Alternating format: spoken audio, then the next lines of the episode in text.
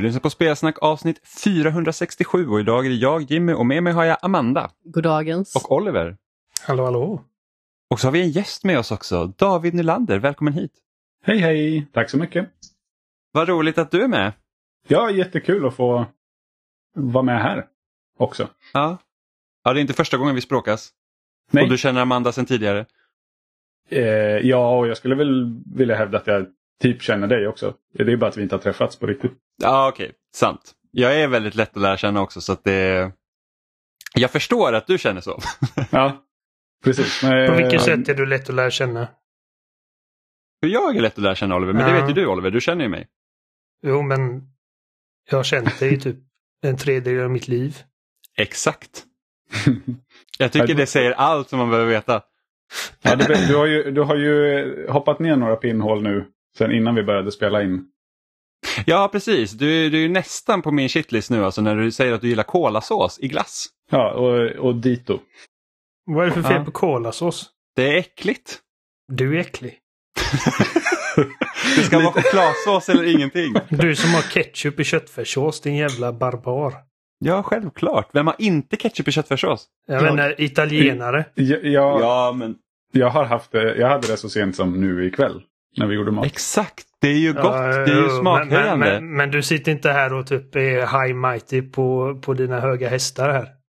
Nej, nej, jag, jag, är, jag, jag, jag är väl väldigt ödmjuk vad gäller mat. Ja, eh, Jimmy är väldigt snobbig.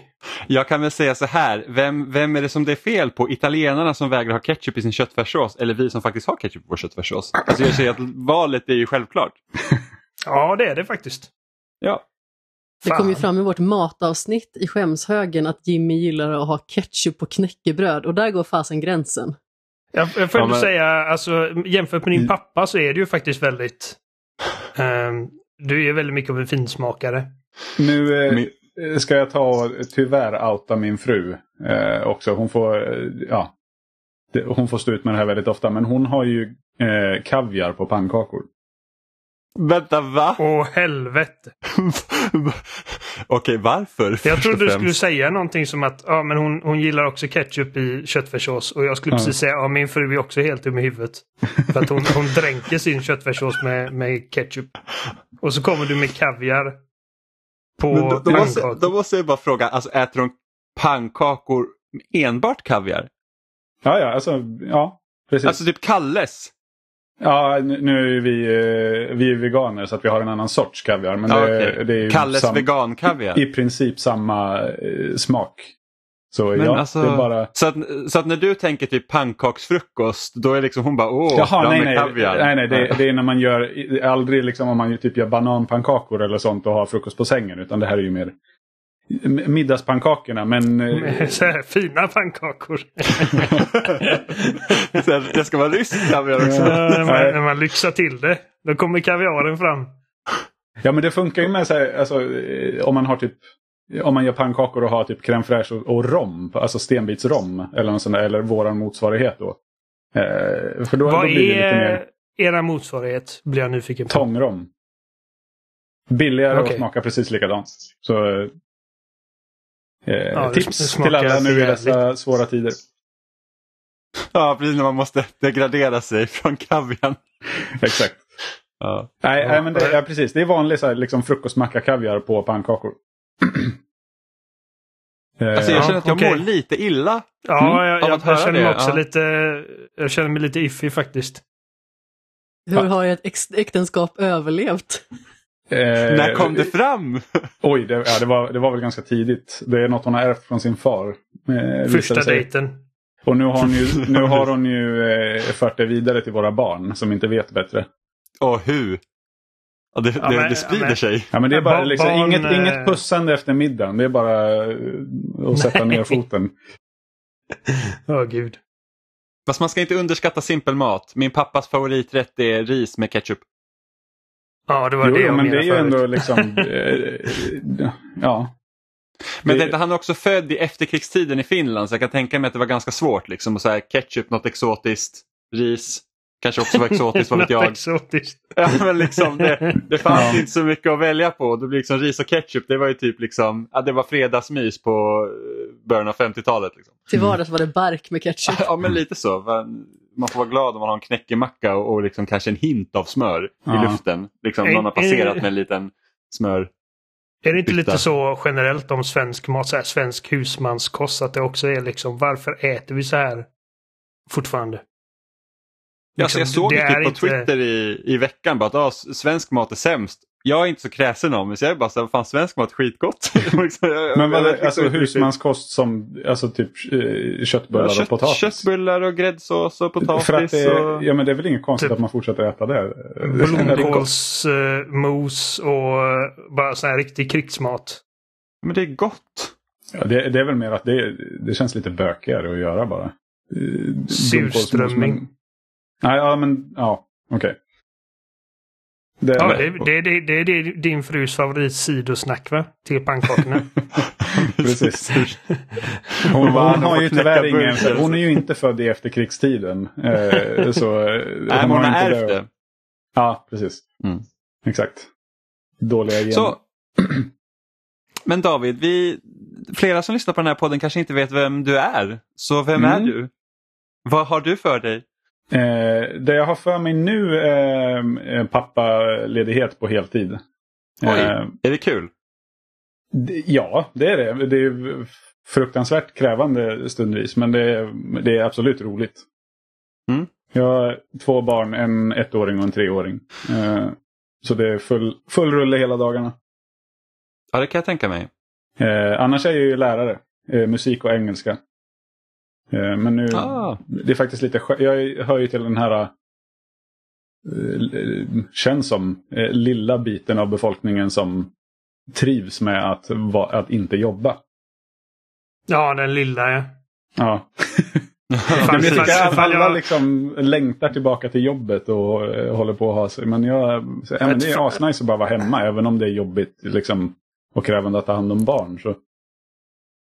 Bara Jag, skäms skönt. inte över att erkänna att hade jag liksom kunnat få in en bra lön bara att sitta på mitt arsle hela livet så hade jag lätt gjort det. jag är helt med dig där.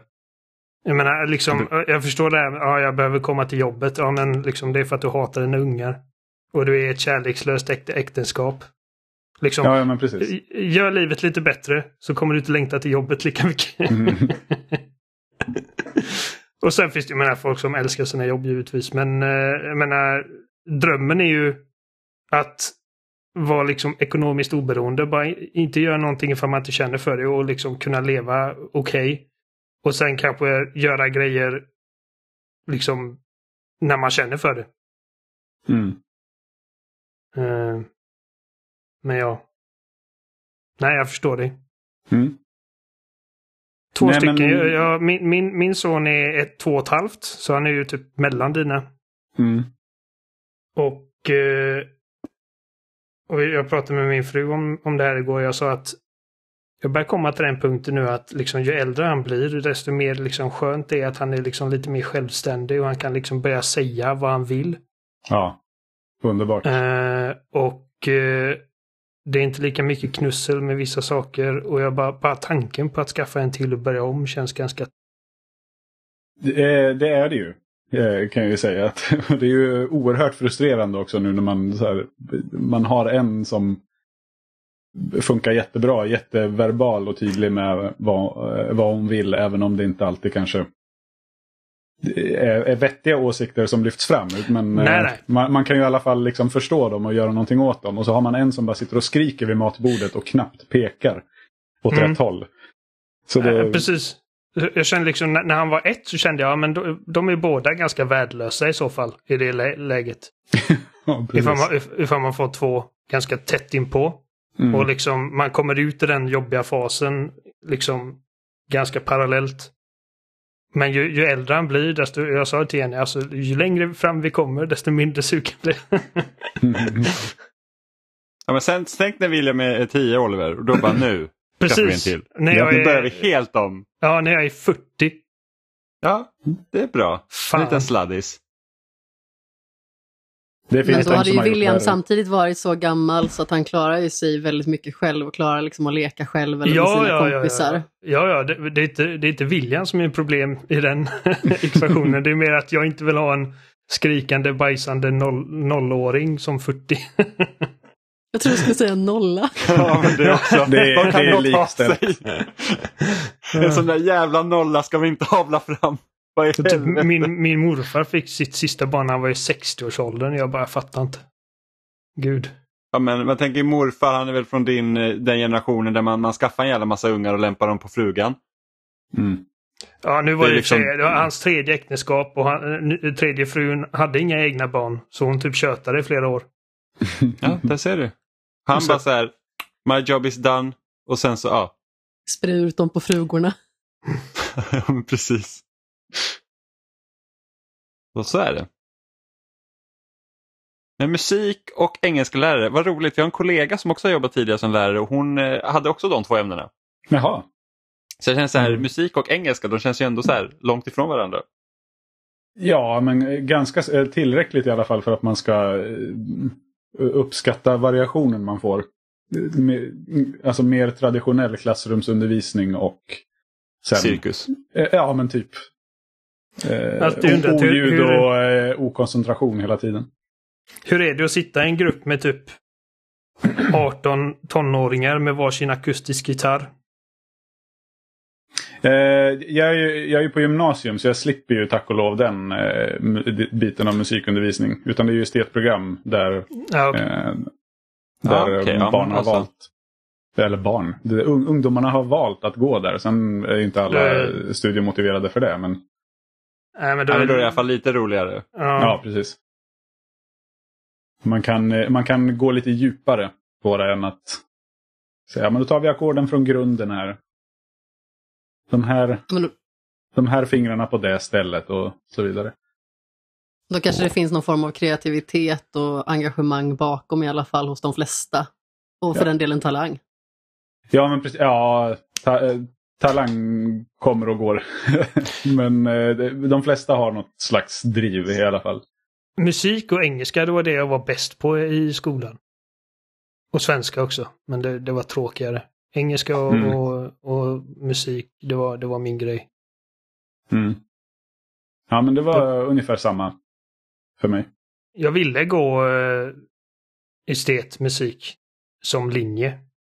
Och eh, hade varit och gjort intagningsprovet. Antagningsprovet, vad säger man? Mm.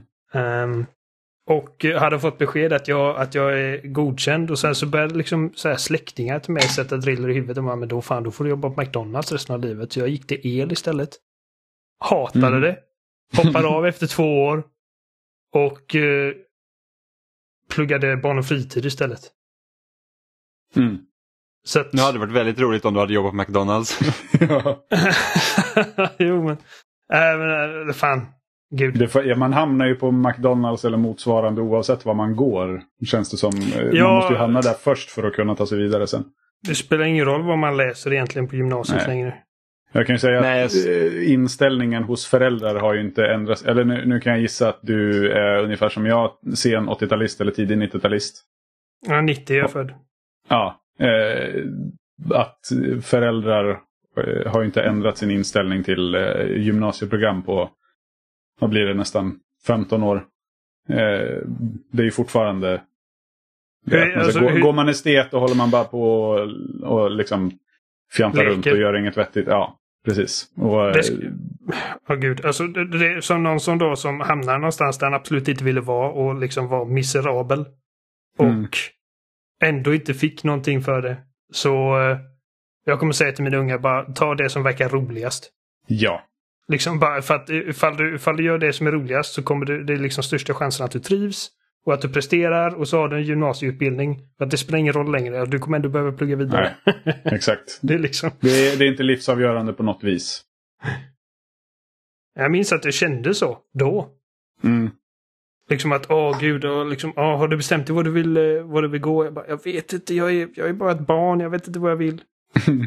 Nej, precis. Jag trodde Mm. nog på fullaste allvar att jag också skulle bli fotograf efter att jag eh, studerade det. Men eh, det blev det ju definitivt inte. Jag jobbar ju som ekonomiassistent idag, så det är ju ett ganska så stort steg ifrån det. Men jag har ju Mm. haft turen i alla fall att ha väldigt stöttande föräldrar, både liksom när det gäller på sportfronten och när det gäller på skolfronten. Jag har alltid varit liksom ganska så kvick när det gäller att lära mig saker, saker under skoltiden och eh, har haft ganska så bra betyg skulle jag vilja påstå. Men samtidigt så har jag inte liksom blivit tvingad att eh, studera någonting utifrån det. Det är liksom inte precis som att jag har behövt välja natur till exempel som då var pluggisvalet inom citationstecken utan eh, det var ju faktiskt min pappa som uppmanade mig att eh, söka mig till eh, media och eh, fotografisk linje. Mina föräldrar var väldigt stöttande. Det var andra människor i min närhet som, som tyckte det var dumt. Uh, och min fru, som, hon gick i samma skola som dig, samma utbildning. Ja, men precis, uh, fast några år tidigare. Uh, ja, några, men alltså ni är inte så långt ifrån. vad är det? Du är född 93, va? 92. 92, ja, ett år. jo, men jag bytte ju gymnasium efter ett år. Okej, okay, men två år. Så jag tror att hon gick sista året när jag gick första. Precis, ja. Uh, men sen, alltså, sen var det hon... ju fett stor skillnad då när man gick på gymnasiet. De som gick i trean, de var ju ja, ja, asgamla när man började. Läbbiga. Ja, ja det också. Uh, men hon, så att hon, hon ville ju bli, alltså det var ju typ hennes stora intresse var ju foto och uh, media överlag och så var det svårt att hitta jobb inom det direkt efter gymnasiet givetvis och så hamnade hon på eh, som liksom vikarie på förskola. Hon bara, ah, det, här, det, här, det här vill jag bli. Och så pluggade hon till förskollärare och det det. Så att man vet ju inte nödvändigtvis vad man vill eller vad man kommer då. När man går ur nio, nian. Verkligen. Nu kommer det ju låta som att jag förskönade mig själv här lite grann, men det här är snarare någonting som jag säger lite med avsmak. Men jag har ju fått höra sådana kommentarer i efterhand, liksom, när jag blev personlig tränare snarare, att ja, men vi trodde ju alltid att du skulle bli jurist eller läkare eller liksom sådana saker. Och det är inte heller så jättekul att höra. Nu ska jag säga att det är inte mina föräldrar som har sagt det, för de har alltid varit stöttande i precis allting jag har gjort i stort sett. De har men, satt eh, rimliga förväntningar liksom andra... på det. Jo, men det är andra personer liksom som man står hyfsat nära som har kommit dragandes med den typen av kommentarer. Det är liksom inte jätteroligt när man precis har gjort ett avgörande livsval till exempel. Jag, nej, jag fick höra liknande grejer bara för att jag kunde rabbla och stava typ alla dinosaurienamn när jag var fem. Och så var det liksom folk som bara du kommer bli paleontolog eller arkeolog eller vetenskapsman och jag bara äh. Du bara, vad är det? Och så visar de eh, det där och mm. visar på David Schwimmer i Vänner. Ja, precis. det Nej, men, det. Eh, när jag var liten var det liksom, jag ska bli arkeolog, jag ska gräva fram dinosaurieben. Um, och sen vill jag bli Men det var ju något fett häftigt i det ändå när man var liten. Sen när man tänker på det idag så är det inte så jätteroligt. Men alltså och 90% av tiden är ju typ att bara gräva i skit. Ja. Liksom. Misstänker jag. Som har barn då med andra ord. Ja, ja precis. ja, precis. Fast då får man inte betalt för det. Jo, det får man ju. Eller ja, jo, lite grann. Får ju betalt av staten. Lite grann. lite grann, som plåster på såren. ja. Precis. Här, gå och köp någonting fint. Ja. Man går inte Men du skriver om spel också, David. Eh, ja, eh, inte, inte lika mycket nu av eh, förklarliga skäl. Det har, det har väl vad heter det? Ja, bajsgrävandet. Ja, men precis. Stannat av eh, mer och mer. Eh, och nu i höstas så frånsade jag mig recensionsuppdrag eh, tills vidare. Så får vi se om jag plockar upp det igen sen. Eh, så det blir inte så mycket skrivande gjort nu. Eh, även om det har varit igång sedan 2019 började jag på Player One. Hur har det varit att mm. få tid att spela överhuvudtaget då? Eh, nu? Med, ja, alltså med barn? Som småbarnsförälder. Alltså, jag tar ju nästan varje chans jag får. Alltså så fort, eh, nu är en, en av dem på förskola viss tid i veckan. Och då när jag är hemma med den minsta och han sover, då spelar jag ju så mycket jag kan.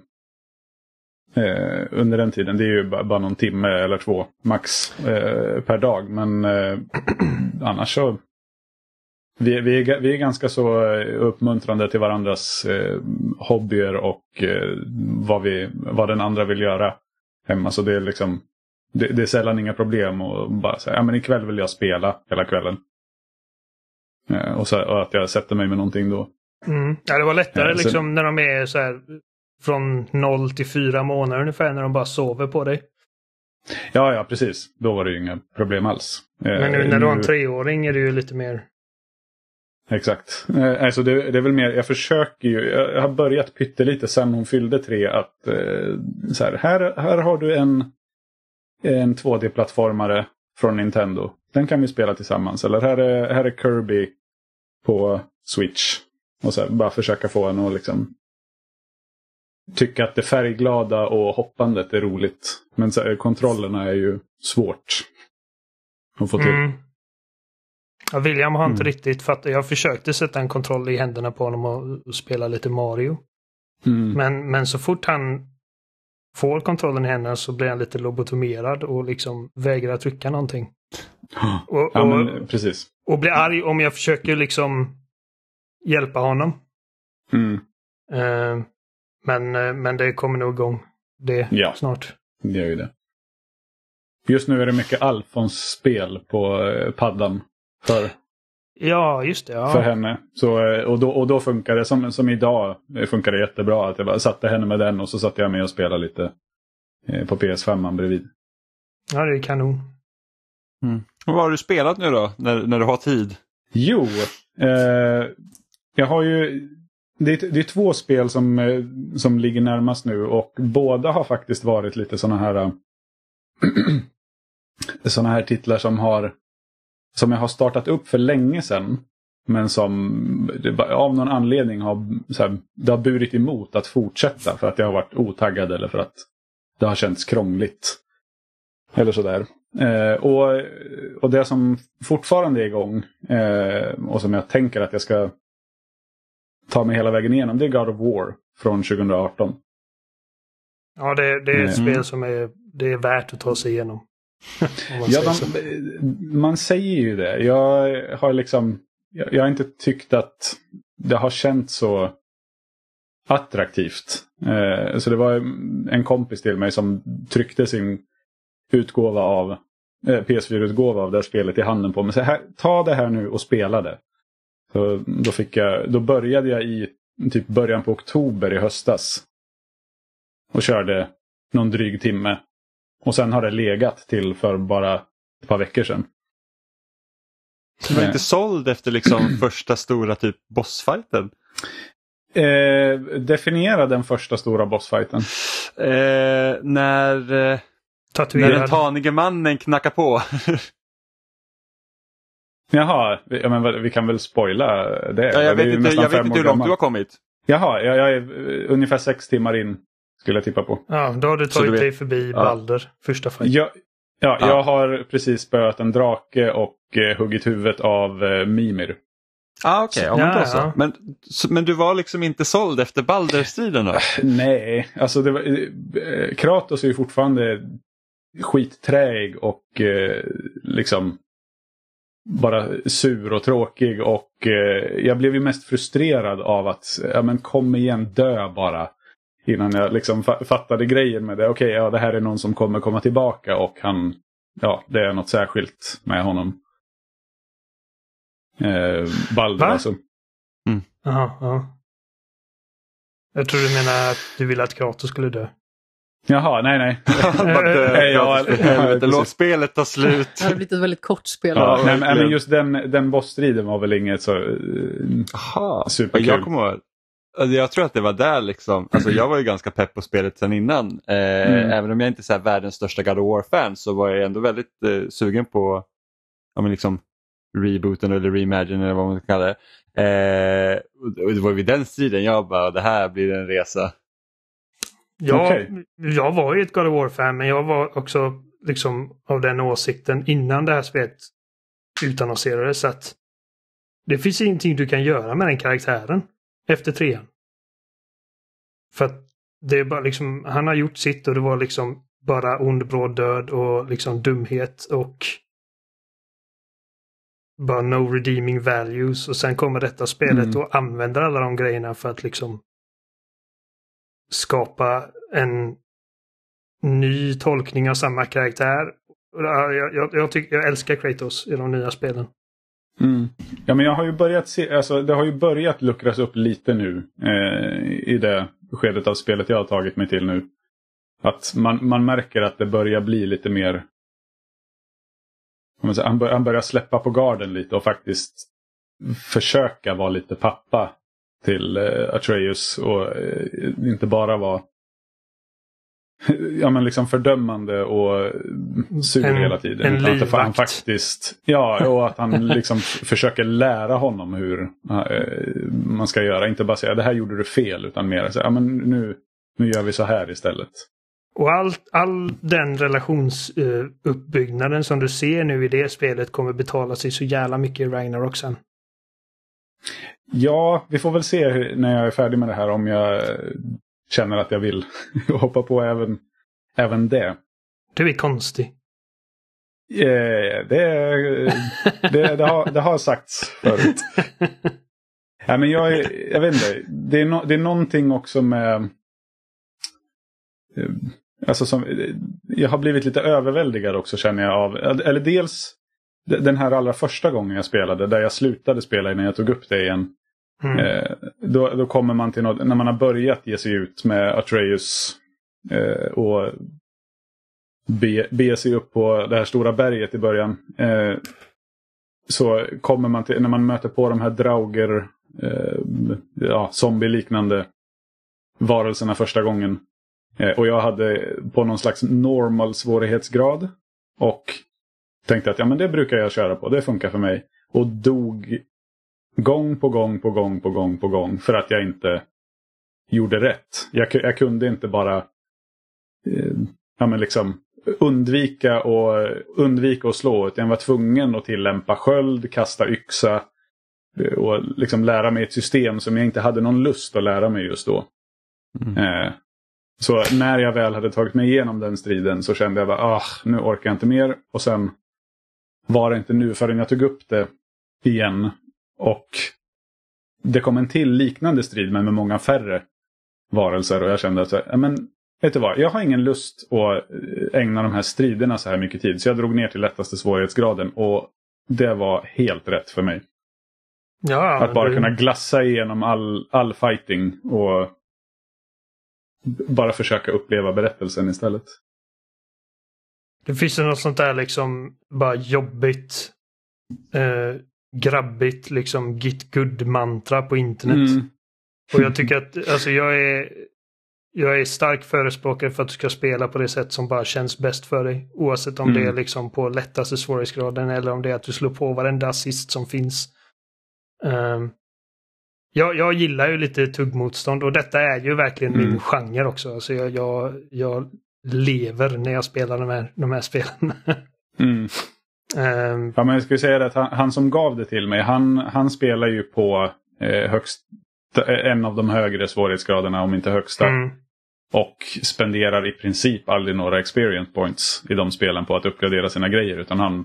Var medvetet. Alltså, vad vad Nej, är det för det- självskadebeteende? Nej men han, han, det, det var samma sak när, vi, eh, när jag fick honom att spela um, Horizon. Eh, Zero Dawn som eh, jag tycker är mycket, mycket roligare. Bara för att liksom jämföra med någonting. Eh, och som jag njuter mycket mer av.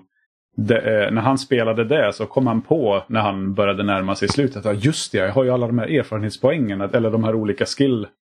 Eh, vad heter det? Färdighetsträdet har jag en massa grejer Ja. som jag inte har fixat. Det är bara så han funkar. Då missar han- man eh, lite grann. Beroende Ja, på spelet men det här då givetvis. Han eh, ja, bryr sig ju uppenbarligen inte så mycket om det. Eh, och jag förstår det inte heller. Men han klagar inte liksom. Sen- Vad fan vad svårt det är. Nej, nej, nej. Han, han älskar ju From Software-spelen också och har Ah, spelat dem okej. flera gånger. Så han är le- sån här bara, jag levlar Okej, inte. Levlar Nej, han men upp typ. från software-spelen? Ja, jag har ingen aning om hur det ser ut där. Han vill ju att jag ska spela Dark Souls också men jag har... Jag har bara sp- sprungit åt andra hållet varenda gång det har kommit. Jag tror att ifall du tycker Ja, att 08 får det vara. eh, God of War är liksom lite för tufft så vet jag inte om du kommer ha så jätteroligt i Dark Souls. För där kan man inte dra ner någon men- svårighetsgrad heller. Ja, i, I så fall är det nog Elden Ring man ska köra. Ja, Precis, men, även där... Där, blir det ju istället eh, det alldeles för överväldigande och svårt Ja. i och med att det inte finns några pluppar på kartan. Jag vill ha mina pluppar på kartan. Ja, du är en sån ju. Japp. Ge mig ett Ubisoft-spel alla dagar i veckan. Vi, vi pratar ofta på den här podden, i jag och, jag och Jimmy, att liksom pluppar på kartan får gärna dö i en eld. Eh, för att alltså, jag känner bara att liksom, det bara tar bort det organiska. Liksom. Jag får ingen relation till vad jag gör. Jag bara liksom går igenom en checklista. Mm. Ehm, Ja, men jag, för, jag förstår den känslan också. Men för mig är det liksom, så, jag, jag vill kunna se, jag vill ha den här liksom stora feta eh, linjen på kartan. Okej, okay, Okej, det där är mitt huvuduppdrag. Då har jag allt det här andra jag kan eh, liksom då vet jag vart jag ska och då kan jag göra det andra vid sidan av. Så länge jag vill tills jag vill, sen vill ge mig ut på det, det som jag faktiskt ska göra. du uppskattar strukturen och eh, kan man säga transparenta. Eh, Ja, att liksom du kan lite så. titta och se vad du har och vänta dig lite. Ja, ja men precis. För det, det är ju må, många, många största kritik gentemot båda Horizon-spelen egentligen att eh, ja, man ser inte kartan för alla pluppar i princip.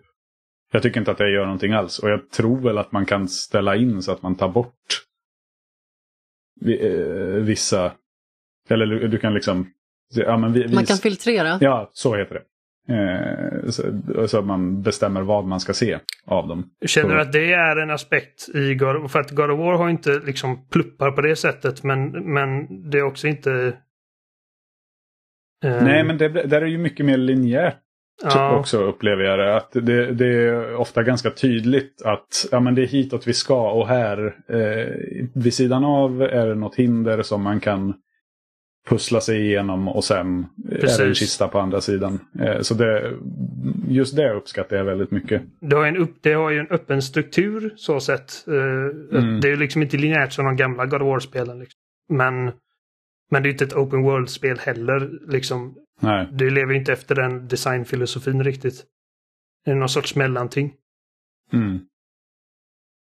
I kontrast till Jimmy och Oliver så är jag ju den personen som behöver prydlighet, struktur, tydliga fack och så vidare. Jag får ju fnatt liksom när inte jag vet alls vad jag ska. Mm. När jag får för mycket valmöjligheter och bara blir liksom satt någonstans att göra precis vad jag vill. Det är då jag blir som mest låst. För att jag känner liksom att jag behöver veta vad jag kan göra för någonting. Så här, Mm. jag behöver liksom inte veta exakt hela tiden, här borta är den här saken.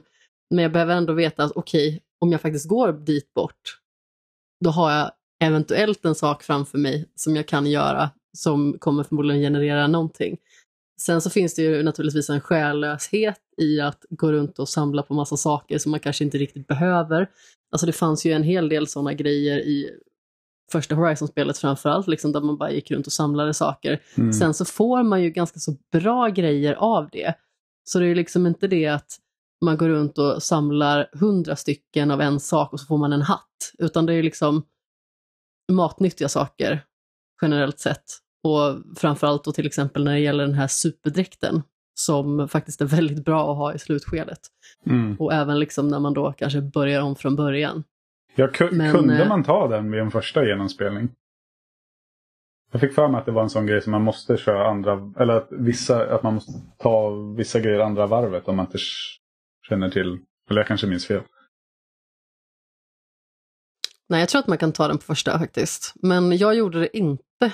Nej, inte jag heller. Nu minns inte jag exakt vad det är man behöver göra för att ta den där dräkten. Men jag för, liksom, jag för mig att det är något form av samlarobjekt eller liksom någonting som är knutet till vissa typer av uppdrag. Ja, man behöver hitta nycklar. Mm, det gjorde inte jag helt. Ja, det är så det. Du, ja, det finns olika såna här krypterade typ filer och sånt man kan hitta i cauldrons och, och lite sånt. Och att det kan hända att en av dem kan man bli utelåst helt från. Ja, Jaha. precis. Det är så det är. Det är en som är ganska tidigt i spelet och den kommer Ja, man inte åt det. om man eh, går förbi. Eller går för långt i storyn. Ja, jag, jag tror det är så. Ja, för det kanske är att man tar den när man är barn. Är det så? Nej, det gör man inte. Men det är ett ställe man kanske inte kan gå tillbaka till helt och hållet. Eller så är det krångligt att gå tillbaka till. det. Jag minns inte exakt. Ja, Okej, ja, men då förstår jag. Det är intressant. Jag, jag kommer inte eh, ihåg exakt hur det var trots att jag tog Platinum för bara ett år sedan. Det är intressant hur ni pratar liksom om hur ni lätt blir överväldigade. När, när ni inte har liksom, eller som, som jag hör det när ni säger det så låter det som att ni säger att ni blir lätt överväldigande när ni inte har liksom klara direktiv. Mm. Eh, och för mig är det lite tvärtom. Liksom att när jag startar ett spel och öppnar kartan första gången jag bara Helvete vad mycket jävla skit på kartan det är så blir jag jätteöverväldigad. Ja, och så bara, vad fan ska jag göra nu? Ja, Var liksom är jag bara? Okej, du kan gå åt liksom en av 3000 olika riktningar. Och jag bara, vart börjar jag? Liksom, och det är det jag tycker är så jävla skönt med typ Elden Ring och Breath of the Wild. Där spelet säger egentligen lite åt. Alltså de, de, de visar liksom vart nästa stora grej är. Eh, men allt Mm. annat är bara liksom att du, du tar det här i din takt liksom. Det kände inte stressad. Och varje gång du upptäcker någonting coolt så känns det som att du upptäckte det. Och du investerade i det. Liksom. Jag tycker att man Mm. får den upptäckarglädjen ändå och sen så är det ju så att jag jobbar ju med siffror till exempel. så att eh, då kan det ju liksom vara sådär att man får reda på när man gör en liten efterforskning i någonting att ja, men du behöver göra 300 av den här grejen. Sen är du klar med den här uppgiften. Och eh, det är ju också en sak som man liksom då lär sig att ta i sin egen takt eller hitta en takt som fungerar. Och jag känner mig faktiskt inte stressad generellt sett av att det kanske är mycket grejer att göra. Just när det gäller att eh, hantera det i spel så blir det liksom så här också att man lär sig att sålla bort vad man inte vill ha ifall man liksom inte vill optimera eller maximera en upplevelse och känner att man bara vill ha huvudberättelsen. Sen så kan det ju vara så att om man inte kliver ifrån huvudberättelsen överhuvudtaget så kan det ju dels vara någonting man missar när det gäller spännande berättelser som förtäljs liksom vid sidan om. Eller så kan det ju vara så att man missar någonting matnyttigt som kan vara bra att ha, till exempel i strider. Mm. Ja, alltså eh, eh, Horizon är ju inte alls liksom den värsta eh, det värsta exemplet på det jag känner. Alltså, jag tror att jag har aldrig sett ett värre exempel än Assassin's Creed Unity. Och det är bara liksom googla Assassin's Creed Unity Map Screen så ser man alltså det är typ Det är så många pluppar ihoptryckta på liksom samma yta att de får inte plats liksom. Och eh, Alltså det är liksom svårt att hitta markören för vart spelaren är någonstans. ja, precis. Och då är det liksom så man bara, vad fan är jag någonstans? Det... Ja, nej, det är för mycket. Och mest tycker jag också bara att alltså, det är trist. Tycker jag. Um, liksom när man har Jag var, hela... tvungen att, jag var tvungen att faktiskt googla det nu. Det ser ju väldigt, väldigt roligt ut. Ja, det är verkligen. Det ser ut som en, liksom, en hoarder som har designat den. Liksom bara släng in allting. Det ser ut som ett brädspel där man har spilt ut innehållet i lådan ja, över ex- brädet. exakt. Bara. Mm. Exakt. Ja, vad roligt. Ehm, Och jag tror det blev så för att de fick kritik över typ att ha skattkistor och typ saker man samlade som inte syntes på kartan så det var lätt att missa. ja, sådana completionist. första, Assassin's Creed hade, ja, första Assassin's Creed hade de här flaggorna eh, som, som inte var utmarkerade. Och det blir liksom jobbigt om du har samlat majoriteten och sen har du någon kvar och sen bara vart fan är den då? Liksom.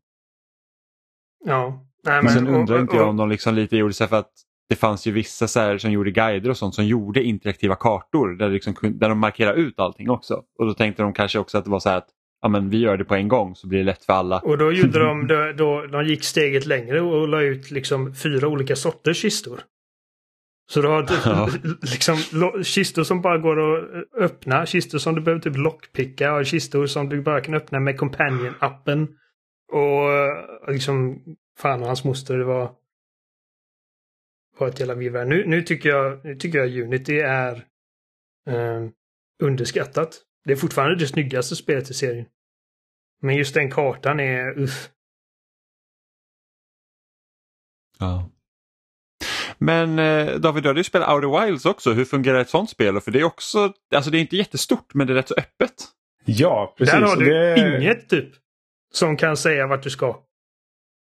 Nej, exakt. Ehm, och det, det var ju väldigt, väldigt skrämmande till en början också. Eh, Och även det är anledningen till att det fick ligga ett tag. För det startade jag upp i maj förra året. Eh, för första gången. Och då, det var väl också, jag tror inte ens att jag spelade en timme då. Det var nog ännu mindre. Eh, och testade, för att jag hade, där hade eh, chefredaktören på Player One, Alexander Cederholm, han, han gav ju det 10 av 10 när det kom ut. Och efter att jag läst hans recension så kände jag bara att det här spelet kommer jag att tycka om. Jag vet det. Så jag, jag köpte det så småningom och sen låg det väldigt länge och bara inte blev upplockat. Och sen när jag väl plockade upp det, då skulle jag tänkte jag, ja, men jag, eller då, då, jag hade det på PC så då spelade jag det på PC. Eh, och det händer inte jätteofta nu när man har barn. Att man kan sätta sig vid datorn, gå ifrån, som står i ett helt annat rum. Eh, och sitta Nej. där och spela i fred. Eh, så det, det var nog mycket det också, tror jag, som satte käppar i hjulet för det. För nu har jag spelat det på Steam Deck. Eh, och liksom kunnat ja, ja, men köra tio minuter åt gången när, när det har behövts. Och det har funkat mycket bättre bara för att få det faktiska spelandet gjort. Det är ändå ett spel som passar helt okej okay i kortare eh, bursts så att säga. Eftersom att det har liksom en time loop. Jag vet inte, det är lite absolut. mer än tio minuter. Ja, jag tror att det är så. Det framgår 24, inte... 24 minuter tror jag. 22.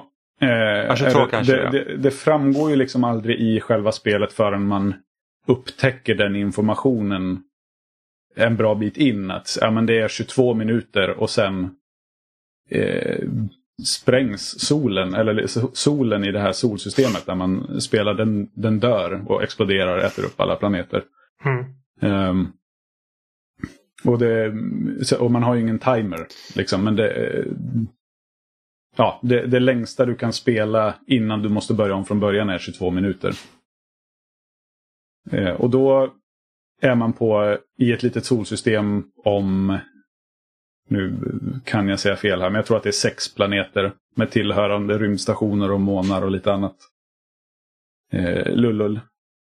Eh, och man börjar på en planet som heter Timber Hearth. Eh, och man är någon slags eh, alien-varelse som... Eh, Rostar marshmallows. Ja, precis. De har jättemånga ögon. De är, de är ju humanoida men de har blå, blå hud och alvöron och jättemånga ögon. Eh, som, som har något slags eh, lite rymd, rymdprogram. De gillar att utforska rymden. Och det finns väl inte så mycket annat att göra där. Eller kan jag tänka mig. Nej. För det är, det är ett väldigt litet solsystem och inte så jättestora planeter. Eh, så man börjar som en eh, icke namngiven karaktär bara som vaknar vid en, eh, vid en öppen eld. Och eh, så får man veta av eh, sin kompis som sitter där att ah, men du måste ta dig till den här personen och hämta eh, launch codes till det här tornet så att du kan åka iväg med ditt rymdskepp och börja utforska galaxen. Ja.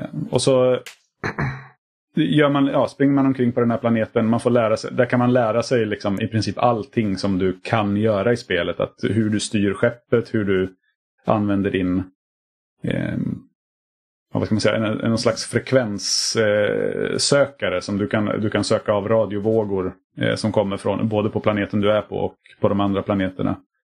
Du kan du har en översättare som du kan eh, rikta mot eh, eh vad säger man, utomjordisk eh, skrift för att översätta den till eh, engelska. Och eh, ja, lite andra grejer som eh, finns på den här planeten att upptäcka som eh, kunskap som du behöver eh, när du ska ge dig ut sen i rymden för att utforska. Så får man tag på de här, den här koden då så man kan åka iväg i sitt rymdskepp och sen är det bara, så, ja, åk var du vill. Nu är det upp, nu är det upp till dig. Och det ja. är ju egentligen något som inte alls talar till, talar till mig. Men eh, det, det blir på något sätt, det, det är så pass liten skala på något vis. Ändå, även fast det låter alldeles liksom övermäktigt att det är ett helt solsystem. Det är ju...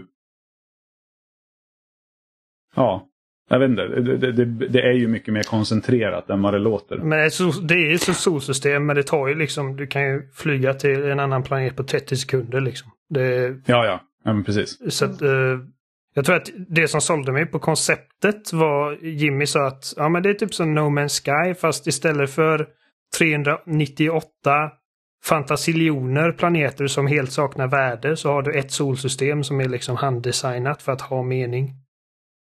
Ja, Eh, men, och har, har ni alla förresten spelat det här? Eller jag har spelat det. Ja, jag, jag, jag har också spelat det. Jag har inte spelat klart det. okej. Jag har inte heller spelat eh, klart Kanske jag det. inte ska... Jag, jag tänkte att så här, nu kan man spoila hej vilt, men då ska man ju inte göra det. Det är ingen fara Äh, för egen del. För min del... Jag är ju väldigt okänslig. Ursäkta Amanda. Va, eh, hade du klarat det Oliver? Eh, Jag har inte klarat det och jag tror inte jag kommer göra det heller. Jag, jag, Nej, okej. jag har satt mig ner med det här spelet fyra gånger tror jag. Och nu senaste gången så, så har jag kommit en, alltså bra mycket längre än vad jag har gjort de föregående gångerna. Men Mm. eh, det är bara en sån grej liksom att jag känner inte att jag gör någon progress egentligen. Jag går runt och pekar den här Mm. translaten på grejer och jag gillar inte att läsa skit i spel och eh, Aj då. Ja, Eh, det är liksom, jag, alltså jag, jag blir så uttråkad av det här spelet. Ja. Och, och det är synd för att jag liksom, eh, du sa att Alexander hade gett en tia och han är inte Mm. ensam om att tycka om det så mycket. Alltså jag har sett liksom massa så här, video, eh, så här, video essays om liksom vilket fantastiskt spel det är. Jag har kollat eh, Noclips eh, dokumentär om skapandet och liksom det är bara på ett liksom systematiskt plan så är det grymt imponerande. Att de har liksom ett levande fungerande solsystem där liksom dragningskraft och sånt påverkar hur du behöver liksom tackla de här grejerna. Men, men på ett, bara på ett rent spelmässigt plan intresserar inte det mig så mycket. För att om det enda jag gör är bara liksom landa på olika stenar och rikta min translator på saker. Och det kan Mm. hända liksom att det, att det rent spelmässigt blir mycket mer involverande och roligt längre in. Men, men så långt som jag har kommit så Ja, alltså det gäller ju att lösa liksom de olika planeternas pussel för att liksom kunna nysta ut i varför du är i en loop. Mm. Egentligen. Mm. Och, det, och be- beroende på vilken tidpunkt du kommer till vissa planeter så ser, så ser de annorlunda ut. Och liksom du, måste, du måste försöka liksom du måste få en förståelse för hur solsystemet är uppbyggt under de här liksom 22 minuterna för att du ska liksom kunna träffa alla punkter som du behöver träffa. Exakt. Eh, och det är det som gör det så himla fascinerande. Jag älskar det här spelet. Jag tycker det är helt fantastiskt.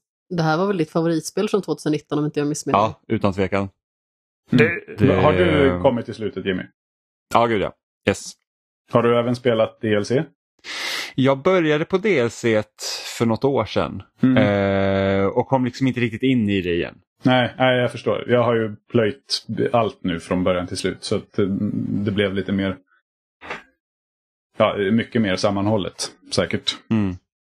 Ja, nej, men det kändes lite så här att jag har ingen riktig koll på hur jag ska spela det här längre. Liksom. Mm. Och sen så bör, jag kom väl en bit in på DLC, sen var det så här, bara, ah, men jag, jag, vet inte, jag orkar inte riktigt tänka. Ehm, Ja, men, ja, men eh, det är ju alltså, det är ju inte konstigt att det blir så, att det får så mm, liksom sp spritt mottagande eller vad man ska säga. Även om det, många är överväldigande överens om att det är ett fantastiskt spel. Så att, att man ändå kan känna att ja, men jag, vet, jag vet inte vad jag ska göra eller ah, jag orkar inte läsa massa saker. Att det, liksom, det finns de aspekterna av det också.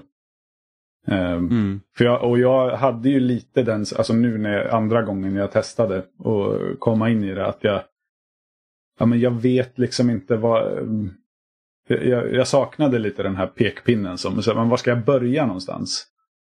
Och då, då var det faktiskt så att jag efter, inte så jättelång tid, googlade mig till en, en guide som började med att gör allt det här innan du eller liksom tänk på allt det här innan du lämnar den första planeten. ja, Eh, och som bara gick igenom. Så här, glöm inte att kolla det här, testa de här grejerna. Ta, ta reda på alla de här sakerna. För, eh, som jag lite eh, ja, som jag försökte säga innan att allt, som, allt du kan göra på eh, planeten du börjar på är ju allt du har till ditt förfogande genom hela spelet. Du får ju aldrig några nya förmågor. Eh, och allt det behöver du använda dig av. Eh, allt det som du lär dig där. Eh, men det är liksom kunskap som du samlar på dig på de andra planeterna som gör att du kan använda förmågorna eller liksom dina verktyg på nya sätt. Eller i ny mm, liksom, kontext. Och det, bara att liksom få det det liksom utstakat för mig i början. Att, ja, men glöm inte att kolla upp de här sakerna. Se till att du har det här på fötterna innan du ger dig iväg. Det hjälpte jätte, jättemycket. Jag har också frågat Jim, Jimmy så här varje gång jag har startat. Det är bara liksom, vad, ge, ge, säg var, var ska jag börja? Och, och svaret är oftast typ vad du vill. Mm.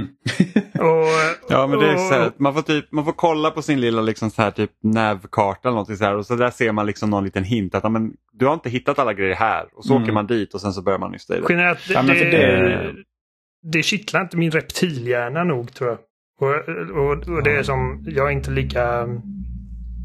eh, jag vet att alltså Jimmy, du är en mer... eh, jag vill använda ett ord som inte är, som inte är intelligent. Men du är smartare än mig också. Det, det har jag inga problem med att erkänna. Och det, jag känner att detta är liksom lite ett liksom... eh, ett spel för liksom någon som är väldigt uh, inquisitive. Och och vill liksom få reda på, på saker. Alltså så här, liksom vetenskapshjärnan lite. Och eh, skillnaden Ja, mellan eh, Mm. detta och typ Elden Ring. Där, där det bå- båda är liksom är sådana att gå i vilken riktning du vill. Så kommer du hitta på någonting att göra. Och skillnaden på detta och Elden Ring är att jag till slut hittar typ ett stort monster som ger mig någon typ armor eller någonting. Eh, medans i Outer Wilds så får jag liksom lite information från någon typ gammal ras som har varit där före mig. Och, eh, Mm. och sen också en grej som verkligen biter mig i arslet med, med den här typen av spel är att jag har jättedåligt minne. Liksom att jag, jag läser en sån grej sen så är det borta ur skallen. Precis, men, Ja, men där har man ju faktiskt, alltså det, det är ju en sak såklart att, att liksom läsa det själv, ta det till sig och liksom förstå eh, ja, men det, det, det, det faktiska de har skrivit. Det, det här liksom nomad, den nomadrasen som har funnits i det här solsystemet och levt där sedan jättelång tid tillbaka och nu är borta.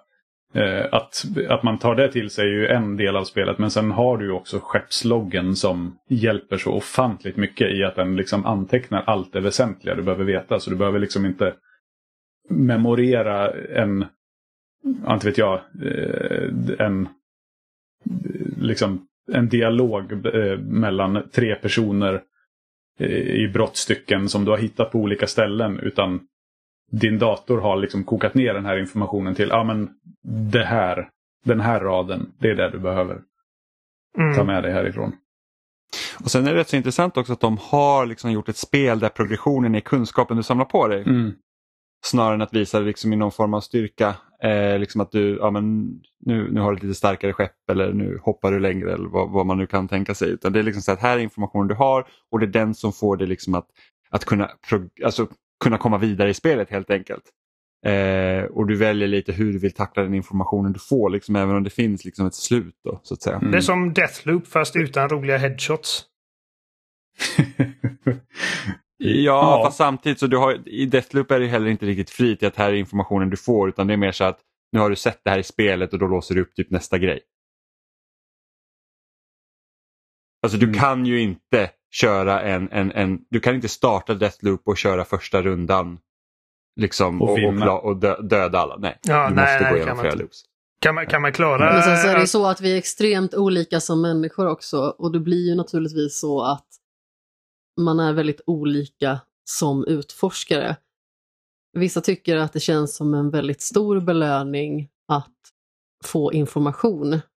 Vissa kanske behöver en lite mer fysisk belöning. Eh, för vissa kanske det är en kombination av de båda. Det handlar ju väldigt mycket om hur man är som spelare och naturligtvis eh, så som jag är så är det ju naturligtvis väldigt bekvämt att sätta in det mesta i olika typer av fack men det är ju liksom så otroligt flytande och någonting som kan vara väldigt belönande i ett spel kanske inte känns lika belönande i ett annat beroende på hur det är eh, uppbyggt och hur vägen dit fungerar. Jag var jättefascinerad av det här spelet men jag tror också igen att det är den här liksom öppenheten som har ju liksom gjort det lite svårt för mig att fortsätta. Sen så har jag ju den enorma bristen själv att jag är ganska så bra på att starta upp saker, men jag är nästan lika bra på att eh, råka bara tappa det och inte avsluta det. vilket är otroligt frustrerande. Men det här är ju ett spel som jag liksom verkligen vill bli klar med. Men det kan ju liksom vara att just i stunden kanske inte belöningen var tillräckligt stor eller kanske helt enkelt är att man känner sig för överväldigad och liksom inte riktigt vet vad man ska för någonstans eller vad det nu kan vara. Men eh, på pappret så känns det ju här som ett spel som jag på det stora hela borde älska och de som älskar spelet älskar ju det hårt. Lite som Jimmy och Alexander då. Mm. Ja, älskar Ja, men du det hårt det- Alexander? Vad sa du? Älskar du det hårt? David heter jag. Men, eh, Ja, verkligen då. Alexander. Ursäkta, David menar jag. Ja. Eh, ja, det, absolut. Det skulle jag säga. Det är ju, det är ju inte utan brister. Eh, absolut inte. Eh, så jag vet om, om jag liksom skulle ge det ett sifferbetyg vet jag inte. Det kan jag inte riktigt svara på om jag skulle ge det en 10 eller 9 eller 8 liksom. Men eh, det är ju det är, ju, det är ju en del saker som är spelets fel men mycket är ju också Alltså beroende på hur man är som spelare, vilket humör man är på när man sätter sig med spelet. Eh, bara en sån sak. Ja, ja precis. Och just det här faktumet som inte ligger mig i fatet så mycket nu är att väldigt mycket av det man behöver, eller som man måste upptäcka behöver man göra vid väldigt specifika tidpunkter i den här tidsloopen också.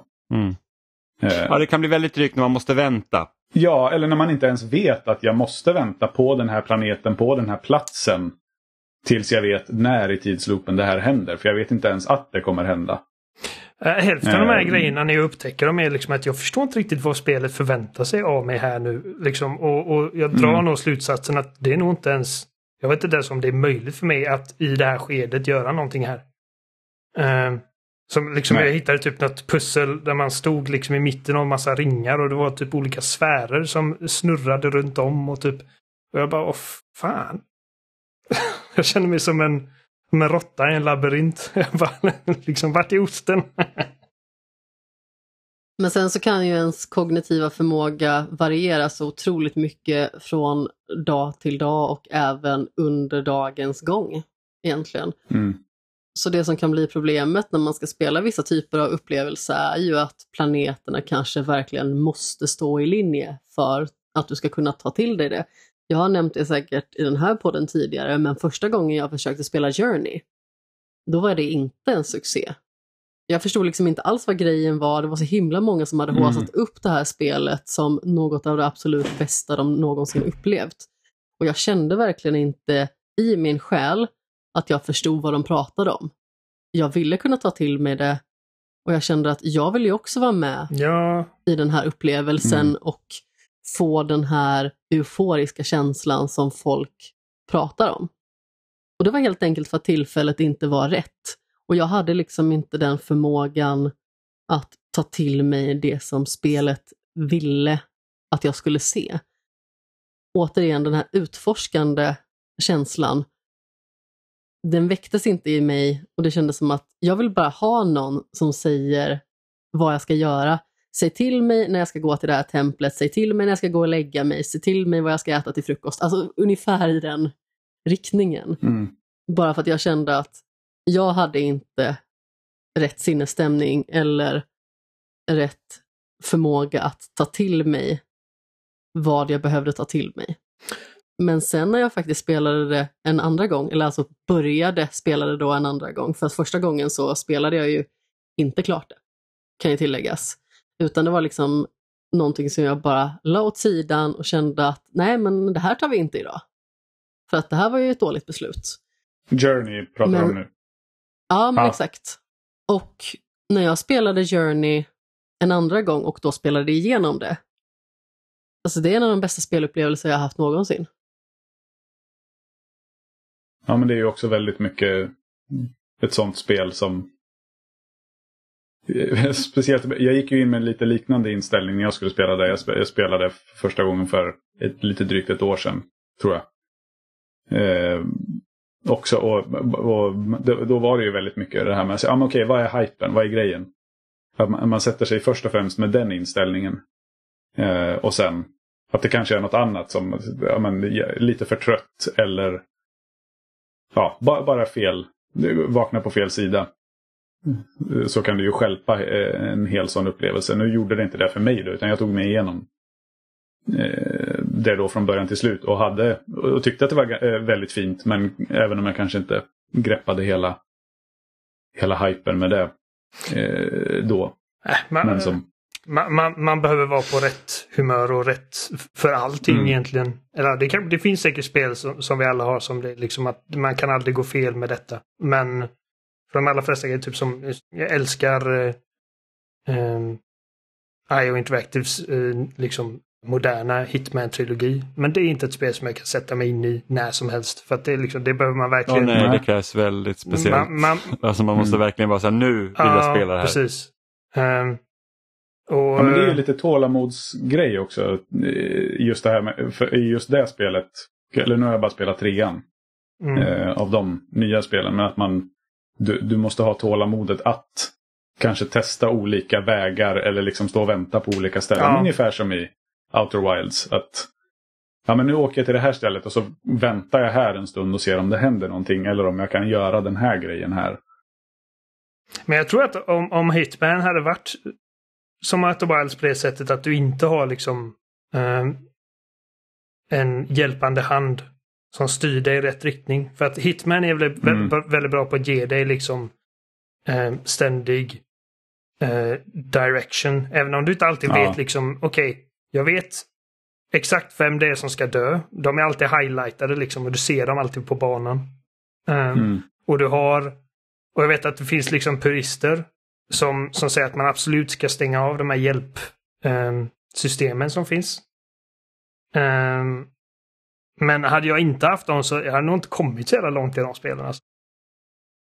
Um, för att man vet inte riktigt vilka möjligheter som finns. för att det finns så, många möjligheter. Liksom, ja, och är man inte tillräckligt kreativ så då blir det så här, ah, då, då, då faller det lite. Uh, för liksom, om jag jämför till exempel de nya Hitman-spelen med Hitman Absolution och Absolution som är väldigt linjärt. Ja. Uh, där var jag ju väldigt kreativ. För du kunde vara kreativ på en sån begränsad yta. Mm. Eh, Medan i de nya spelen, de är så stora de kartorna. Det är bara så att ja, alltså, jag vet inte ens. Där blir det lite det här att jag vet inte vad jag ska göra. Vart ska jag gå? Liksom, var börjar jag ens? Eh, mm. Så där är jättebra med de hjälpmedel som finns. Mm. Jag gillar Hitman är eh, liksom... För att det, om man ska liksom eh, kan man säga, distillera det till en genre så är det nästan som ett pusselspel. Um, ja. det, det, för att det är, inte, det är inte mycket till ett actionspel. Man skulle väl kunna kalla det stealth-spel i och med att liksom, målet är att du um, att du ska liksom göra dina uppdrag utan att någon märker av dig. Men i, i mångt och mycket så är det liksom en, en pusselsandlåda. Där det liksom det bara dräller av mördarverktyg. Och det blir ditt jobb liksom Ja, och att... lösningar för den delen. Vad sa du Amanda? Där har du liksom många olika pusselbitar som ser olika ut. Men du kan välja mellan tio olika pusselbitar och sätta in på den lilla platsen. Och då handlar det ju också om att om jag vill ha den här pusselbiten här, då måste det fungera i utförandet. Mm. Och man måste också kanske komma på det från första början. Ja, ah, men jag behöver förgifta den här personen. Ja, då behöver jag hälla gift i den här drinken här för att den här kyparen ska gå ut med brickan när den kommer tillbaka och då måste jag sätta mig i den här lådan och vänta och då hoppas man att ingen ser en och att lådan inte då blir omringad av massa as som står och väntar på en. Precis, för att det är lätt att hitta liksom vapnet du ska döda någon med. Liksom, det spelar inte så, så stor roll hur du dödar dem liksom rent fysiskt utan det handlar om att hur får jag min måltavla till en, till en plats där jag säkert kan göra detta.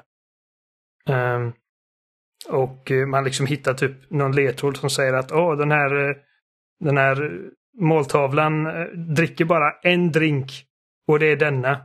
Och bara okej, okay, ja, då, då, då är det någonting liksom. Jag vet att nu har jag möjlighet här liksom att liksom jag ska, jag ska göra den här drinken med väldigt specifika ingredienser. Och se till att vara den som delar ut den. Och då okej, okay, nu, nu behöver jag liksom en, en kyparkostym. Och då är det liksom mm. din fokus. För att du har liksom skapat en kedja av objectives i skallen. Ja, det, är, det är väldigt väldesignade spel. Um, mm. Ja, det var absolut inte min grej. Nu spelar jag ju det precis när det släpptes, alltså i episodformat Mm. i början av 2016 där. Och sen så spelade jag det med en väldigt negativ person också som eh, inte gjorde det så lätt för en heller liksom att eh, ta det till sig. Men samtidigt så kände jag ju att eh, jag är ju personen som hamnar i lådan. För att jag tror inte jag är tillräckligt skicklig för att utföra den här liksom typen av skurkaktighet. Men samtidigt så kanske jag inte heller är tillräckligt kreativ. Och sen så hade jag också lite problem med att spelet buggade sig väldigt mycket i början. Jag tror det var misstag Så det var att, att göra det episodiskt, det första spelet.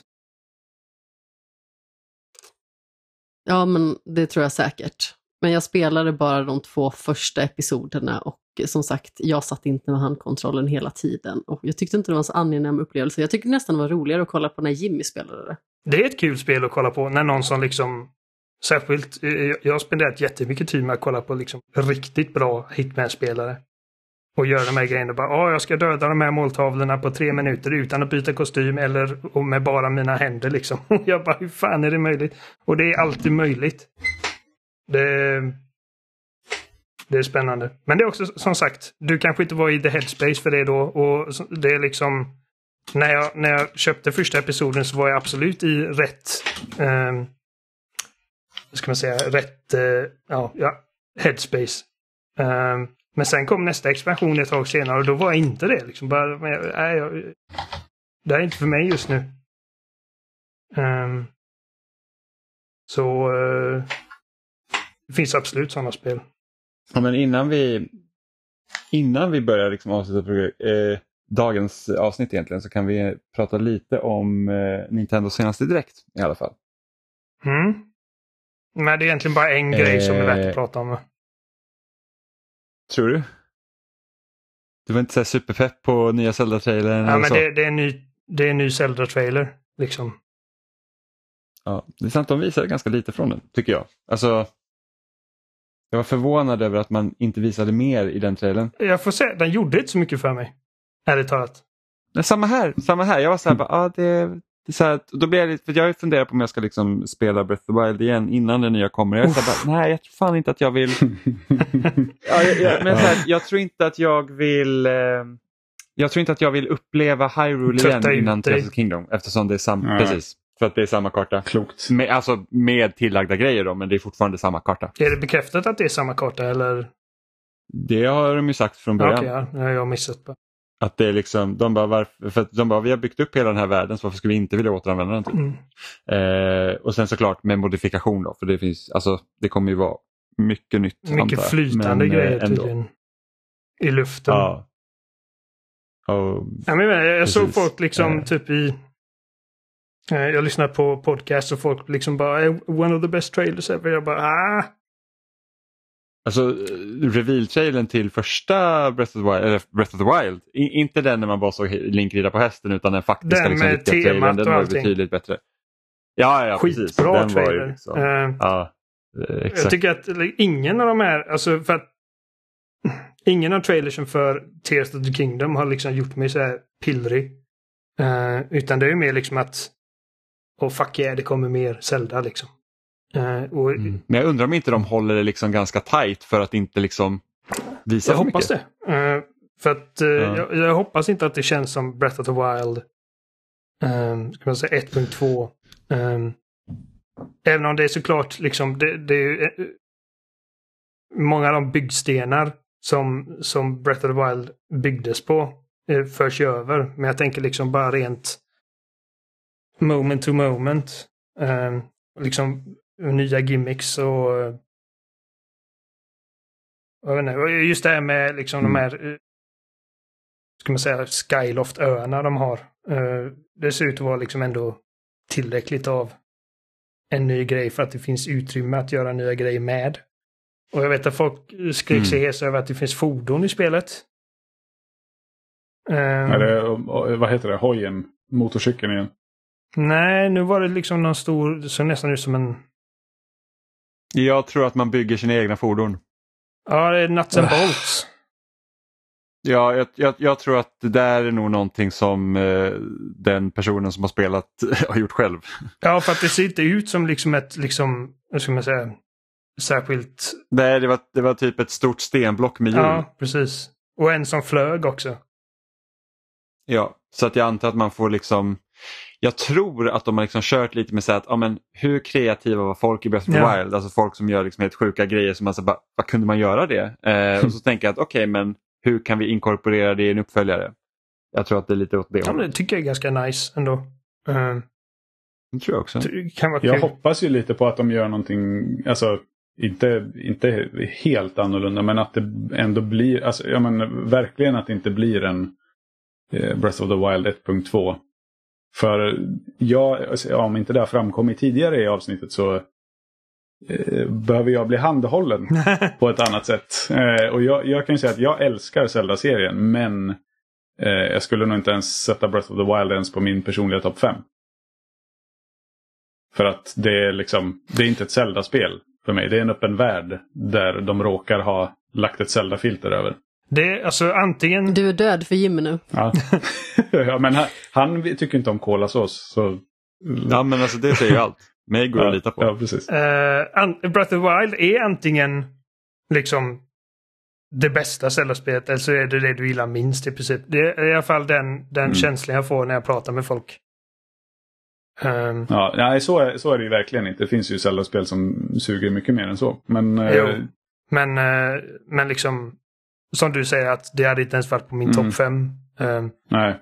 och eh, och det, är, det är ju liksom ett spel som, som verkligen eh, rör om i grytan och liksom slänger ut allt man känner till med eh, allt ska jag inte säga. Jag känner att liksom den, den underliggande liksom kärnan i vad som gör ett Zelda-spel ett Zelda-spel tycker jag finns där. Och jag, skulle argumentera att Breath of the Wild är mer som det första spelet än någon av de andra uppföljarna. Ehm, det är bara att det inte följer liksom mallen som sattes med A Link to the Past. Och det är den mallen vi Mm. har haft sen A Link to the Past. Liksom. Alltså, Ocarina of Time är strukturellt A Link to the Past. Wind Waker är strukturellt A Link to the Past.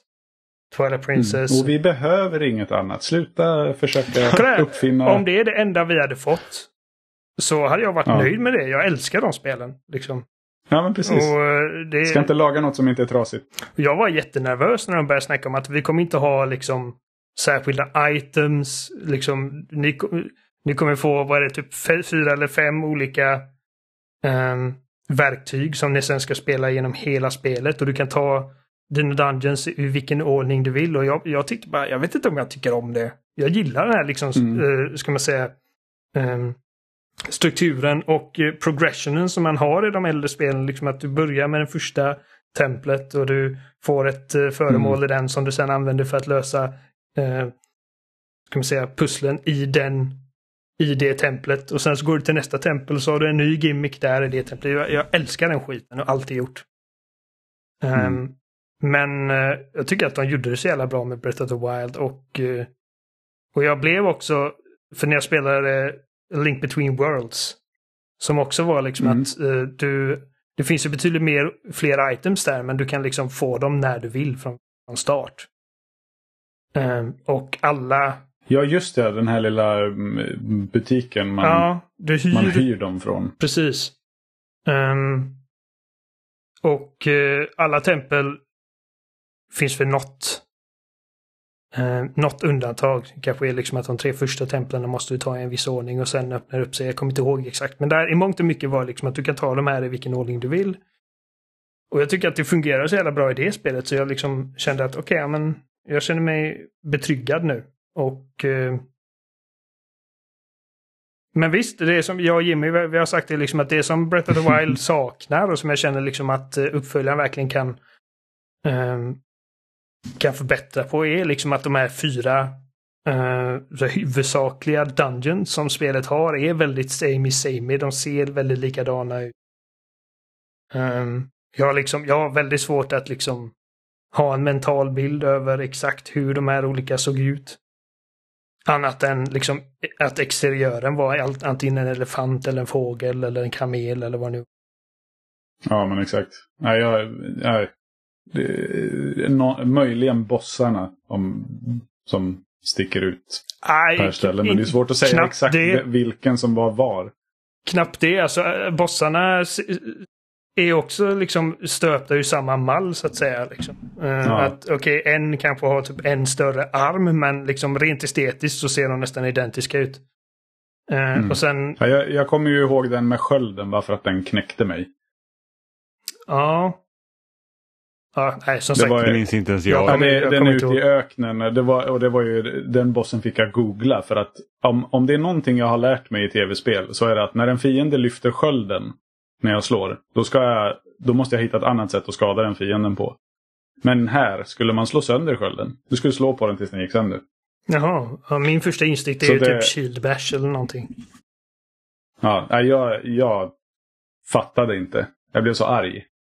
och sen när jag läste, läste lösningen blev jag ännu argare. Och jag tror att eh, som, jag var inte så här jätteimponerad heller av uh, fighten med Ganon. Jag tycker om uh, Hyrule, alltså jag vill säga Hy- Hyrule Castle, själva den, den borgen för att den, den kändes väldigt stor och, och, och cool att navigera. Men sen när man kommer till sista fighten så var det liksom, ja den ser ut som de andra bossarna fast mycket större. Mm. Eh, Det, det var lite så här, lite pyspunka till slut kände jag. Eh, Men helhetsintrycket är ändå liksom att jävlar.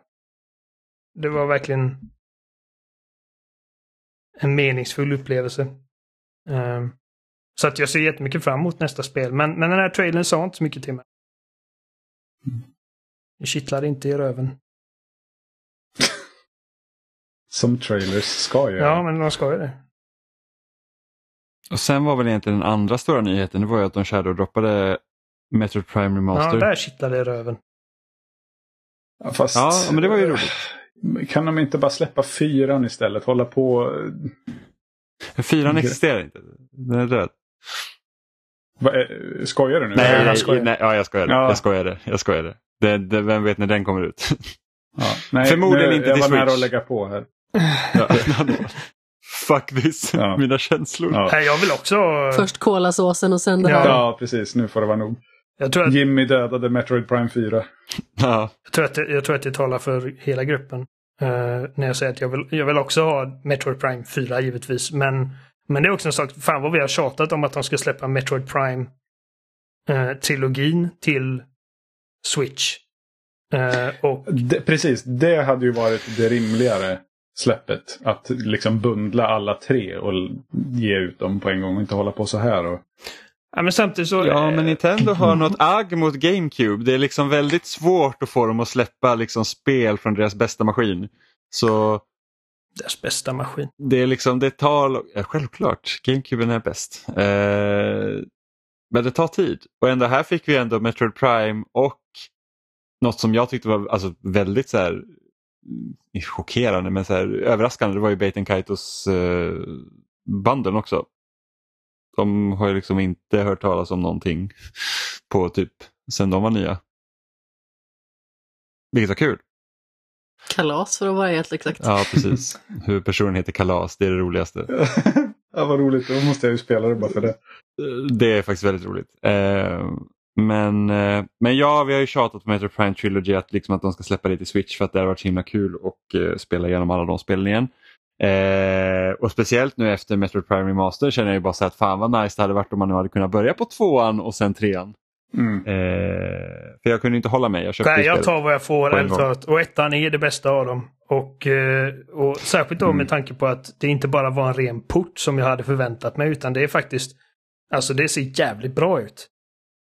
Eh, Ja det gör det. Jag har sett till och med folk som säger så här, ser fyran ut så här, då hade Ja. jag varit nöjd. Jag är så här, och, bara, och, och, ja visst, men alltså det, Ja, men för att vara ett ja, jag hade varit lite liksom, ja, fast- jag hade förväntat ja. mig... Hade, hade ett Metroid Prime sett ut som Super Mario Odyssey då hade man kunnat prata. Jag, jag, det här är någonting jag har sagt förut att jag är lik- liksom lite orolig för hur Metroid Prime 4 ska liksom, alltså för att det, har varit, det var så länge sedan vi fick ett nytt Metroid Prime. Och jag vill inte att det ska kännas som att ah, uppföljaren till liksom en av de här, mina favoritspelserier. Att det ska komma och kännas gammalt och, och liksom... typ Bayonetta 3. ah, Eller Metroid Dread. Ja, men det är rätt typ av gammalt. Uh, ja, jag vet inte. Tänk- Jag tyckte att det, så, alltså, det var jättefult. ja, men, det, ja, men det, det, det, är inte, det, det är inte särskilt snyggt så sett, men liksom bara rent, Mm. Eh, rent mekaniskt. Så att det, det, Ja. liksom 2D Metroidvanias har liksom, de ser ut som de ser ut. Liksom. Ehm, på ett designplan. Men, Mm. men det har hänt en del med First Person Shooters sen, sen Metroid Prime 3 släpptes. Och eh, jag har liksom funderat lite på hur, liksom, hur ska kontrollen se ut och liksom, kommer det vara grisfult som typ allt på Switch är. Ehm, ja, utom Nintendos liksom egna typ Mario ser bra ut. Eh, shooters ser vanligtvis inte jättebra ut på Switch. Är det någon som spelar shooters på Switch? Eh, inte jag, men... Eller Splatoon, men det räknas ju inte. Det ju- mm, ja. Eh, men så ser jag detta och jag känner liksom att nu har inte jag börjat spela den för att jag är en sån idiot som sitter och väntar på att den fysiska utgåvan ska släppas. Så Jag sitter liksom och, och dreglar. Och försöker att inte starta min switch och ladda ner det. Jag, Har den inte gjort det än? n- nej. Nej, fysiska kommer i början av mars till Europa. Så att de, eh, det är bara digitalt än så länge. Eh, Men när man kollar på liksom, dels då folk, liksom, när folk skriver om det på Twitter och, och, och så vidare på YouTube. Att dels har vi folk som, som återvänder dit efter liksom uh, ha varit ett fan av första spelet och tycker att det är liksom en skitbra remaster. Det är betydligt mer än vad man kan förvänta sig av liksom en remaster utan att det går så långt att kalla sig en remake. Um, Jaha, det är inte bara en upphottning alltså, rent grafiskt. Utan alltså, jag, jag har inte sett någon trailer så jag vet inte. Ko- och alltså det är... eh, Det det är, är samma spel. Alltså det är, det, är, det är exakt samma spel bara att det ser bättre. Alltså det, det är lite som... Gå, gå in på Eh, ja, YouTube och kolla typ- en jämförelsevideo. Ja men tänk typ Halo Anniversary till exempel.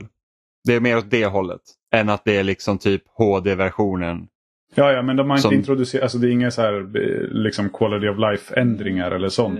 Eh, nej. Kontrollmetoder Nej, och sånt Förutom har de styrningen då. De har ju gjort så att man kan, Det- eh, det- man kan sikta med ena spaken och gå med den andra. Så man kan sikta och Ja, backa. ja, ja samtidigt. men exakt. precis. De, Mm. de har li- lite nya kontrollmetoder men annars är det Mm. liksom samma spel. Det är Ja, liksom inte okej. att det finns nya grejer. Eh, och, och precis som egentligen många andra av Nintendo-spel så är det liksom att det är en viss typ av spel som bara Nintendo gör även om andra har försökt.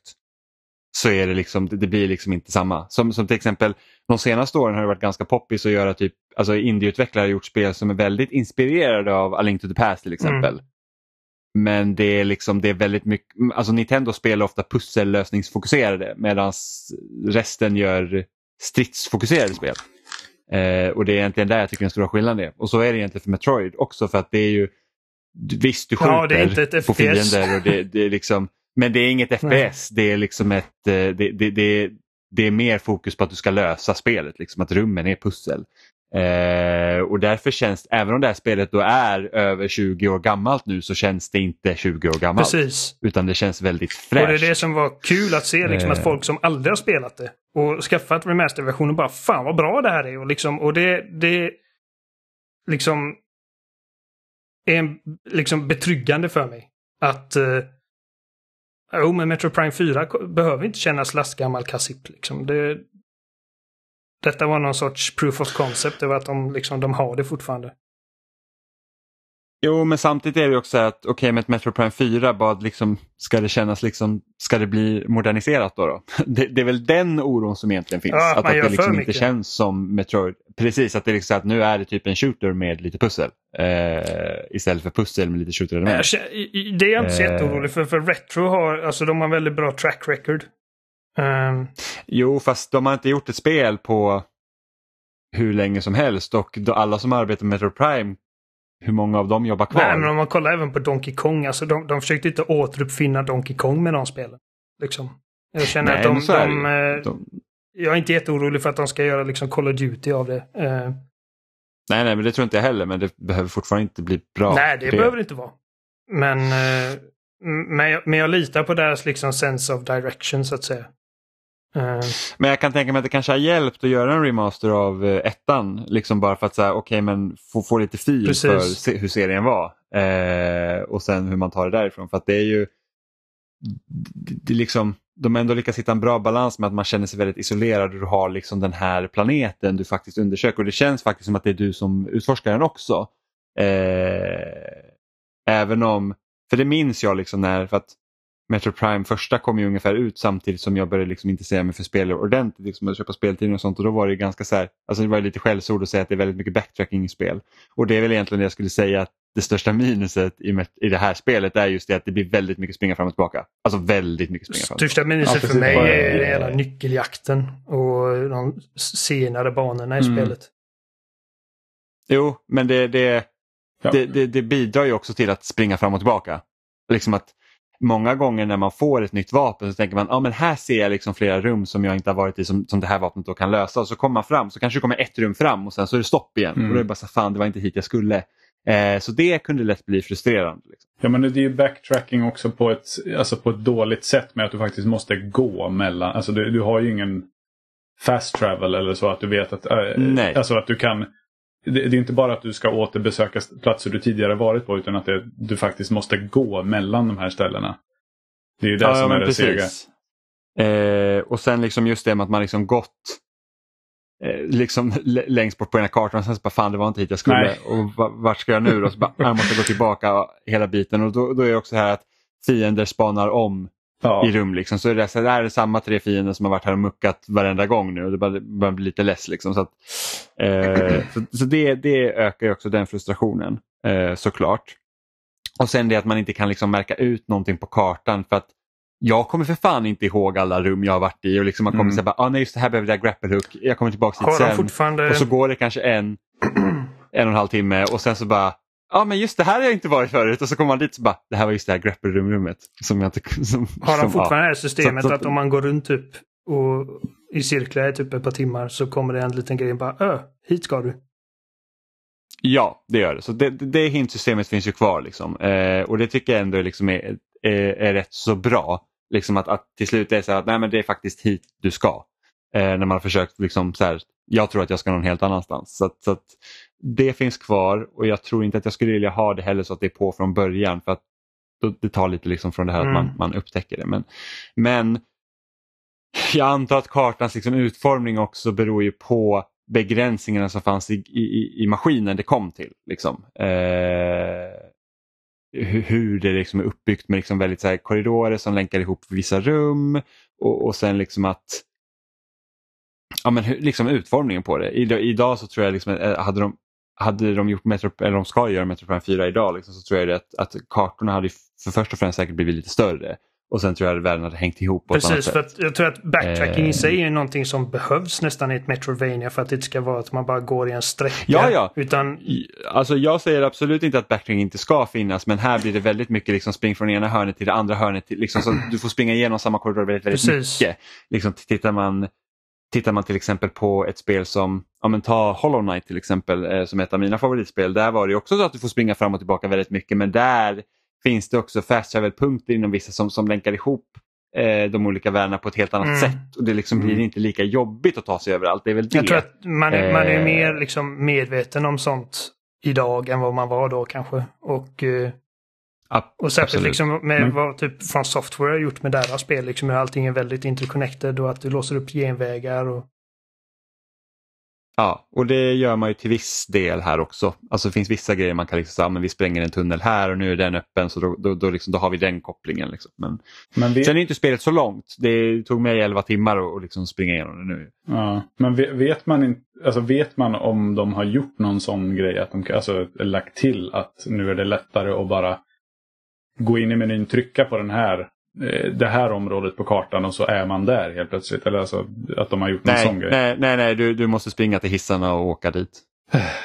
Ja, Så, så att det, det är inget liksom att du säger att jag kan byta områden liksom helt och hållet utan det, du, du får springa till hissarna och så får du hoppas att det är rätt hiss och du hamnar på rätt ställe. För att det är också så här, ja Det är inte som att du, du säger så att ah, men den här hissen går till Chosen Ruins North. Och så Ja. bara, aha, men vad fan är Chosen Ruins North? Vad, vad, vad fanns där nu då? Liksom, Mm. För sen går du in i Chosen Ruins så ser, står det ju inte Chosen Ruins North utan då har du liksom, ah, då heter ju den hissen något annat. Så det, det, var ju också så här lite så kruxigt att, att bara så veta hur det länkades ihop. Mm. Eh, så att man liksom inte, så att, för ibland kan det vara så att ja, men jag tror att jag ska till den här hissen, springer man dit och sen så hamnar du typ långt, längst bort från objektivet i nya området och man säger bara fan också jag ska springa till den andra hissen. eh, men, men det är så det är. Eh, överlag så är spelet jätte, jättebra verkligen. Mm. Eh, det är ju, alltså den har ju verkligen klarat tidens tand om man säger så. Eh, det finns liksom, det är inget annat spel som är som Metroid Prime.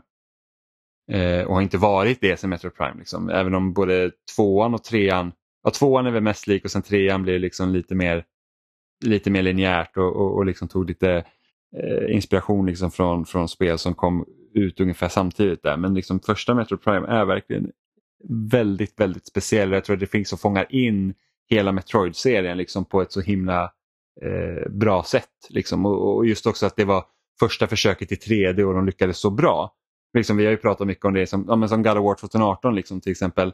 Var så att oj, man tog liksom alltså, konceptet från de gamla God of War-spelen och så förnyar man det och så blir det liksom nytt och fräscht. Och liksom, det har man gjort med Metroid redan.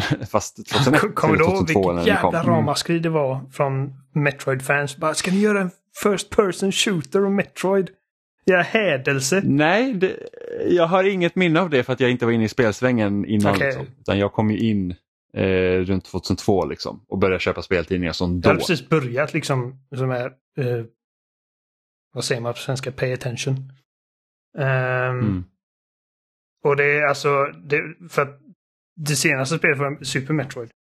Folk ville ha liksom uppföljare på det och så kommer liksom en amerikansk jävla studio i Texas. Ja, det, det, är som, det är verkligen som svära sig. Confusion efter. Det kom nästan exakt samtidigt. Ja. För mitt allra första möte med ett Metroid-spel var Metroid Prime. Innan var det Samus via Smash Bros. Mm. Jo, precis. Jag hade inte spelat ett Metroid innan Metroid Prime. Jag bara vet liksom att... eh, att och, och nu när man har spelat de äldre spelen så, så kan jag förstå hur folk var oroliga. När de fick höra liksom Ja, att eh, nästa spel på, på GameCube, inte nog med att det inte görs av Nintendo in-house, utan det är liksom görs av en Texas-studio och det är ett liksom i första persons perspektiv och man liksom jag hade haft jättesvårt att visualisera hur det skulle funka då. Liksom. Ehm.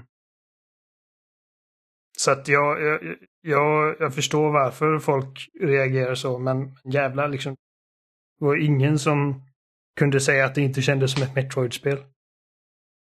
Mm. Jag minns, det jag minns liksom innan Metroid Prime kom ut, det var ju det att det var någon stor headline i Superplay, liksom, att det var åtta år sedan Super Metroid. Alltså en evighet Evighet. som man hade fått Metroid. Alltså verkligen, så det var så lång tid, alltså åtta år, det var helt insane. Förvisso var ju inte utvecklingstiden liksom lika Nej. lång på den tiden som den är liksom idag.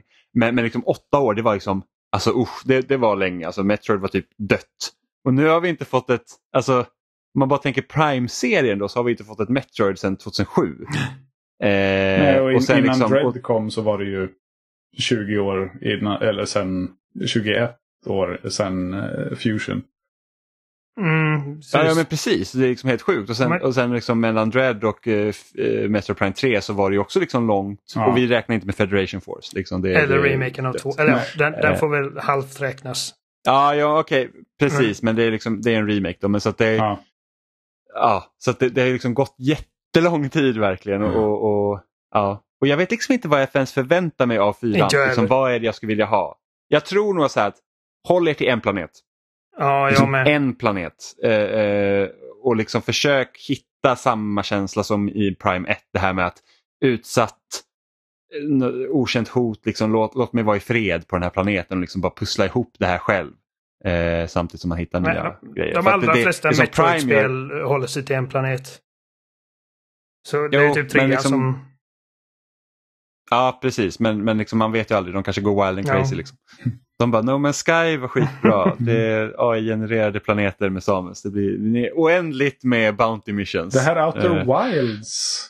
eh, Ja, det precis. blir sex Ja, men det- planeter och så har man alla förmågor från början. Och så ska man bara... Ja, men det hade ju faktiskt varit lite intriguing ändå. eh, ska jag inte ljuga. Men eh, ja, nej, jag, jag tycker bara det liksom att Hoppas de inte liksom bara... eh, ska man säga, bend over backwards för att modernisera det. Och liksom och Ja. aim down sights Ja, det- det- och... och Nej men det de hade, för att det de har gjort nu i Prime Master att du har ju fortfarande kvar lock-on. Liksom, ja, så men att, ge eh, mig, ge mig eh, lock. det- Eh, alltså, Alltså visst, det, det kan ha lock-on men jag tror att det stör ibland när man liksom ska köra på, på liksom rätt fiender. Så de hade kunnat göra bara att nej, men det finns ingen lock-on utan du får ju sikta och sen göra det bättre. Men, men det är väl som det är i Trilogy-utgåvan på- till Wii. För där siktar du ju med Wiimoten. Och sen kan du, låsa. Ja precis. Jag, ant... ja, precis. Jag antar att det är, det är åt det hållet. Du kan också köra med gyron i, i, i joyconsen så att du kan köra helt eh, med eh, sikte också. Okej. det fi- det finns Alltså, med- massa med olika. pekaren, Alltså, det så- finns så ju dels att man kan liksom göra så att det känns mer som originalet. Eh, och sen finns det ett mer moderni moderniserat kontrollschema där du liksom siktar med ena spaken och rör dig med den andra. Och så kan du lägga till gyron på det. Eh, och sen har de också det här att när du har två joycons och du liksom eh, har motion controls ungefär som med Wiimote. Men jag har hört att det inte fungerar lika bra. Mm. Ja, jag, jag, vet inte, jag har inte testat. Jag har bara kört liksom så att det känns som man kör en shooter. Mm. Liksom. Den, den, som, som det borde vara. Och det, Det jag tror att det gör också att spelet är, ja, ja, och jag tror att det gör att spelet är mycket lättare också. Eh, för jag var så här, fan, jag kommer ihåg att det här spelet var så jäkla svårt. Förvisso var jag mycket mindre då också så det, det är svårt bara därför. Men just det här med att man liksom kan röra sig och liksom sikta samtidigt som, som normalt, som man är van med liksom de senaste liksom 15-20 åren, eh, gör ju att det är mycket, mycket behändigare att liksom springa igenom de här rummen och, och möta fiender. Liksom.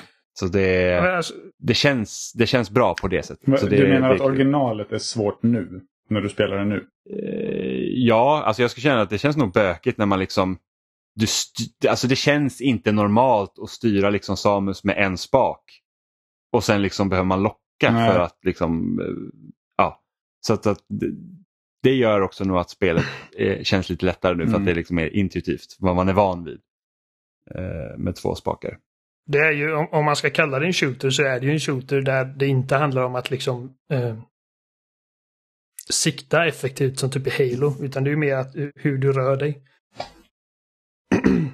Eh, ja, eh, jag vet att när det här spelet kom så slängde man ju runt då FPA som genrebeteckning, så First Person Adventure. Mm. Så- och det är typ, vilka spel finns i ett FPA? Jo, det är Metroid Prime och du har Mirror's Edge typ. Det. Men, men alltså det, det är ett jättebra spel. Jag är verkligen glad över att de att liksom släppte som det gjorde och det är bara synd att det liksom inte kommer tvåan och trean för att jag hade jättegärna bara velat hoppa upp liksom en lite upphottad tvåa och trea liksom på en gång. Ehm, men man kan inte få allt. Nej, man tar de vinster man får. Men, men en sak som bara slog mig liksom var det här att alla de rykten som har liksom florerat kring liksom Nintendos och spel de har liksom haft igång visar sig liksom mer eller mindre stämma. Så att, att tvåan och trean kanske finns någon form av, ja, kanske inte remastered i den versionen som Prime 1 är nu, men liksom i alla fall en HD-uppdatering så att det liksom är skarpt. Är möjligt att Ja, det är inte omöjligt att, det, att de kommer liksom senare. Nej, precis. Så att för att liksom, det, nu kom ju Game Boy Game Boy Advance som liksom är ryktat hur länge som helst eh, på tapeten. Det, det kom ju liksom och sen så... Det är inte fullpris heller. På Metroid Remastered. Eh, vilket Nej, liksom, precis, det det är Nintendo. De har lätt kunnat ta 600 spänn för det. Jaha, vad kostar det Så, nu? eh, 40 dollar, så Jaha. 399 ja, typ. 499 tror jag på, på e-shoppen i Sverige. Eh, så, att, så att det är inte det dyraste heller. Eh, men sen har det också Wind Waker HD och eh, Twilight Princess HD-versionen har också ryktats hur länge som helst. Så förmodligen så finns ju de också någonstans där och bara väntas på att släppas antar jag. Eh, så att, ja. Ja, de, är Det- bra, de är bra på att göra... Alltså liksom på att inte göra saker så pass länge så att när de väl gör det så känns det som att de gör en en tjänst Ja. snarare än att bara... Eller? De bara, ah, här. Ni är så tacksamma över att ge oss pengar. Ja. Ja. Ja, men, det är bara... men typ ta det så här, Advance Wars, det har ju liksom varit klart i ett år. Och nu fick du datum så att det är liksom bara så här, ja, Mm. det är kul. Uh. Ja, jag, Ja, men... jag har inte så mycket eh, att säga annat på det Nintendo. Directen. Nej, Det är typ Pikmin Nej. 4 fick vi se lite, men det är också en sån grej att det, det säger mig inte så mycket. Det såg ut Ja. som en Pikmin. kommer bli kul. Jag vill, eh, jag vill se ett, nu är det väl inte Nintendo själva, så, men det är ju Capcom ändå, så ett, Ace Attorney Investigations 2 översatt till engelska. Och släppt i väst, vill jag se. Mm. Ja, jag har ju inte spelat något Ace Attorney-spel. Skämmes. Jag, Jag har typ spelat lite av första spelet när jag typ eh, köpte så här flashkort till mitt DS och så spelar man allt, alla spel i typ 10 minuter. Jag köpte trilogin som finns på Xbox och Playstation. Mm. Eh, och eh, kom en bit in på Där ska man börja. första. Men så har det inte blivit att jag fortsatt. Ja, det, det är ju, Men du får, det- ju, du får ju ett nytt Professor Layton i alla fall. Det är ju nästan där. Ja, fast ändå inte. Men jag tänkte säga det Oliver, att det är ju verkligen inte en spelserie som eh, kanske faller dig i smaken om du inte gillar att läsa i spel. Nej, men jag älskar, domstols, eh, jag älskar domstolsdraman. Så att det går jämnt ut. Ja, okej. Eh, Mm, Oliver sitter bänkad vid Judge Judy varje dag. Just det. ja, min idol. Och Suits, eller något. Mm. Eller McBeal. Är det. Borde man se den? Den har jag inte... Jag såg det aldrig när det var... Alltså det är så länge sedan jag sett en McBeal men jag vet att jag gillade det då. Mm. Eh, och jag kan nog tänka mig att det kan vara jättekul att se idag också. Det lär väl inte finnas någonstans att se. Jo, Disney Jo då. Plus. Jaha, Jag tror... är det Ja, det var sant? på Disney Plus. Ja. Så det är bara att bänka dig. Fast gör inte det. Jo, Jag, jag minns var inte att det var ett domstolsdrama. Det enda jag kommer ihåg från, eh, från den McBeal är att det var där jag lärde mig att knulla var sex. Jaha, det, var, det kändes lite sent för att vara du. Men när gick den? 90-talet? Mm. Ja, Eh, jag visste 97. vad knulla var, jag bara visste inte att, eh, att sex, ordet sex, för det var bara en siffra för mig. Och jag kommer Ah, ihåg att okej. morsan satt och kollade och så var det liksom, Ally sa någonting bara, det enda jag minns är att repliken att it's just sex. Och jag bara, vad betyder det? Och morsan bara, "Mm, det är när man eh, knullar hårt. så att, eh, men eh, nej, annars minns jag ingenting om den. Jag bara vet att ja, fem säsonger på Disney Plus. Vad spännande. Då... Ja. Och nu är kvällen redan. Ja, den är ju den är ju redan över. För den här Ja, det- småbarnsföräldern. Ja, det är sant. sant. Morgondagens kväll redan. Exakt. Eh, ja, men eh, det var nog allt vi hade för idag. Eh, ni hittar oss som vanligt på spelsnack.com. Där finns också alla länkar till vi finns som Facebook, Instagram, Youtube. Vi finns i din favoritpodcast-app. Eh, ni kan också mejla in till oss på kontaktetspelsnack.com och ge förslag eller kommentera eller ja, vad ni nu vill. Säga oss helt enkelt. Tack David! Var hittar man dig David? Ja, tack själv. Eh, mig hittar ni ju... Eh, det, det jag har gjort, det gamla jag har gjort, det ligger på playerone.se. Och då är det one med bokstäver och inte med siffror. Eh, och där finns det ju massa annan bra skit också. Vi har eh, mycket mer än eh, bara recensioner. Så eh, hoppa in och läs det vi skriver där. Eh, jag och mina kollegor. Och sen får man, om man eh, saknar poddar att lyssna på, vilket inte borde vara en grej, så kan man få lyssna på podden som jag driver tillsammans med min kompis Otto, eh, Nytt Spel Plus. Där vi spelar varandras favoritspel och pratar om dem på eh, onödigt komplicerade sätt. F- f- förlåt, jag, jag sa tack David, jag menar tack Alexander. Ja, just det. jag ska hälsa honom det. Jag kallar min, eh, jag kallar min fru för, eh, för min mammas namn. Nice. Aj då. Det kändes lite obekvämt. And on that note. Ja. Eh, ja, men ta- men tack, vi hörs igen om en vecka helt enkelt. Gör vi. Yeah. Ha det bra med er. Hej då. Hej då. Puss i ljumsken.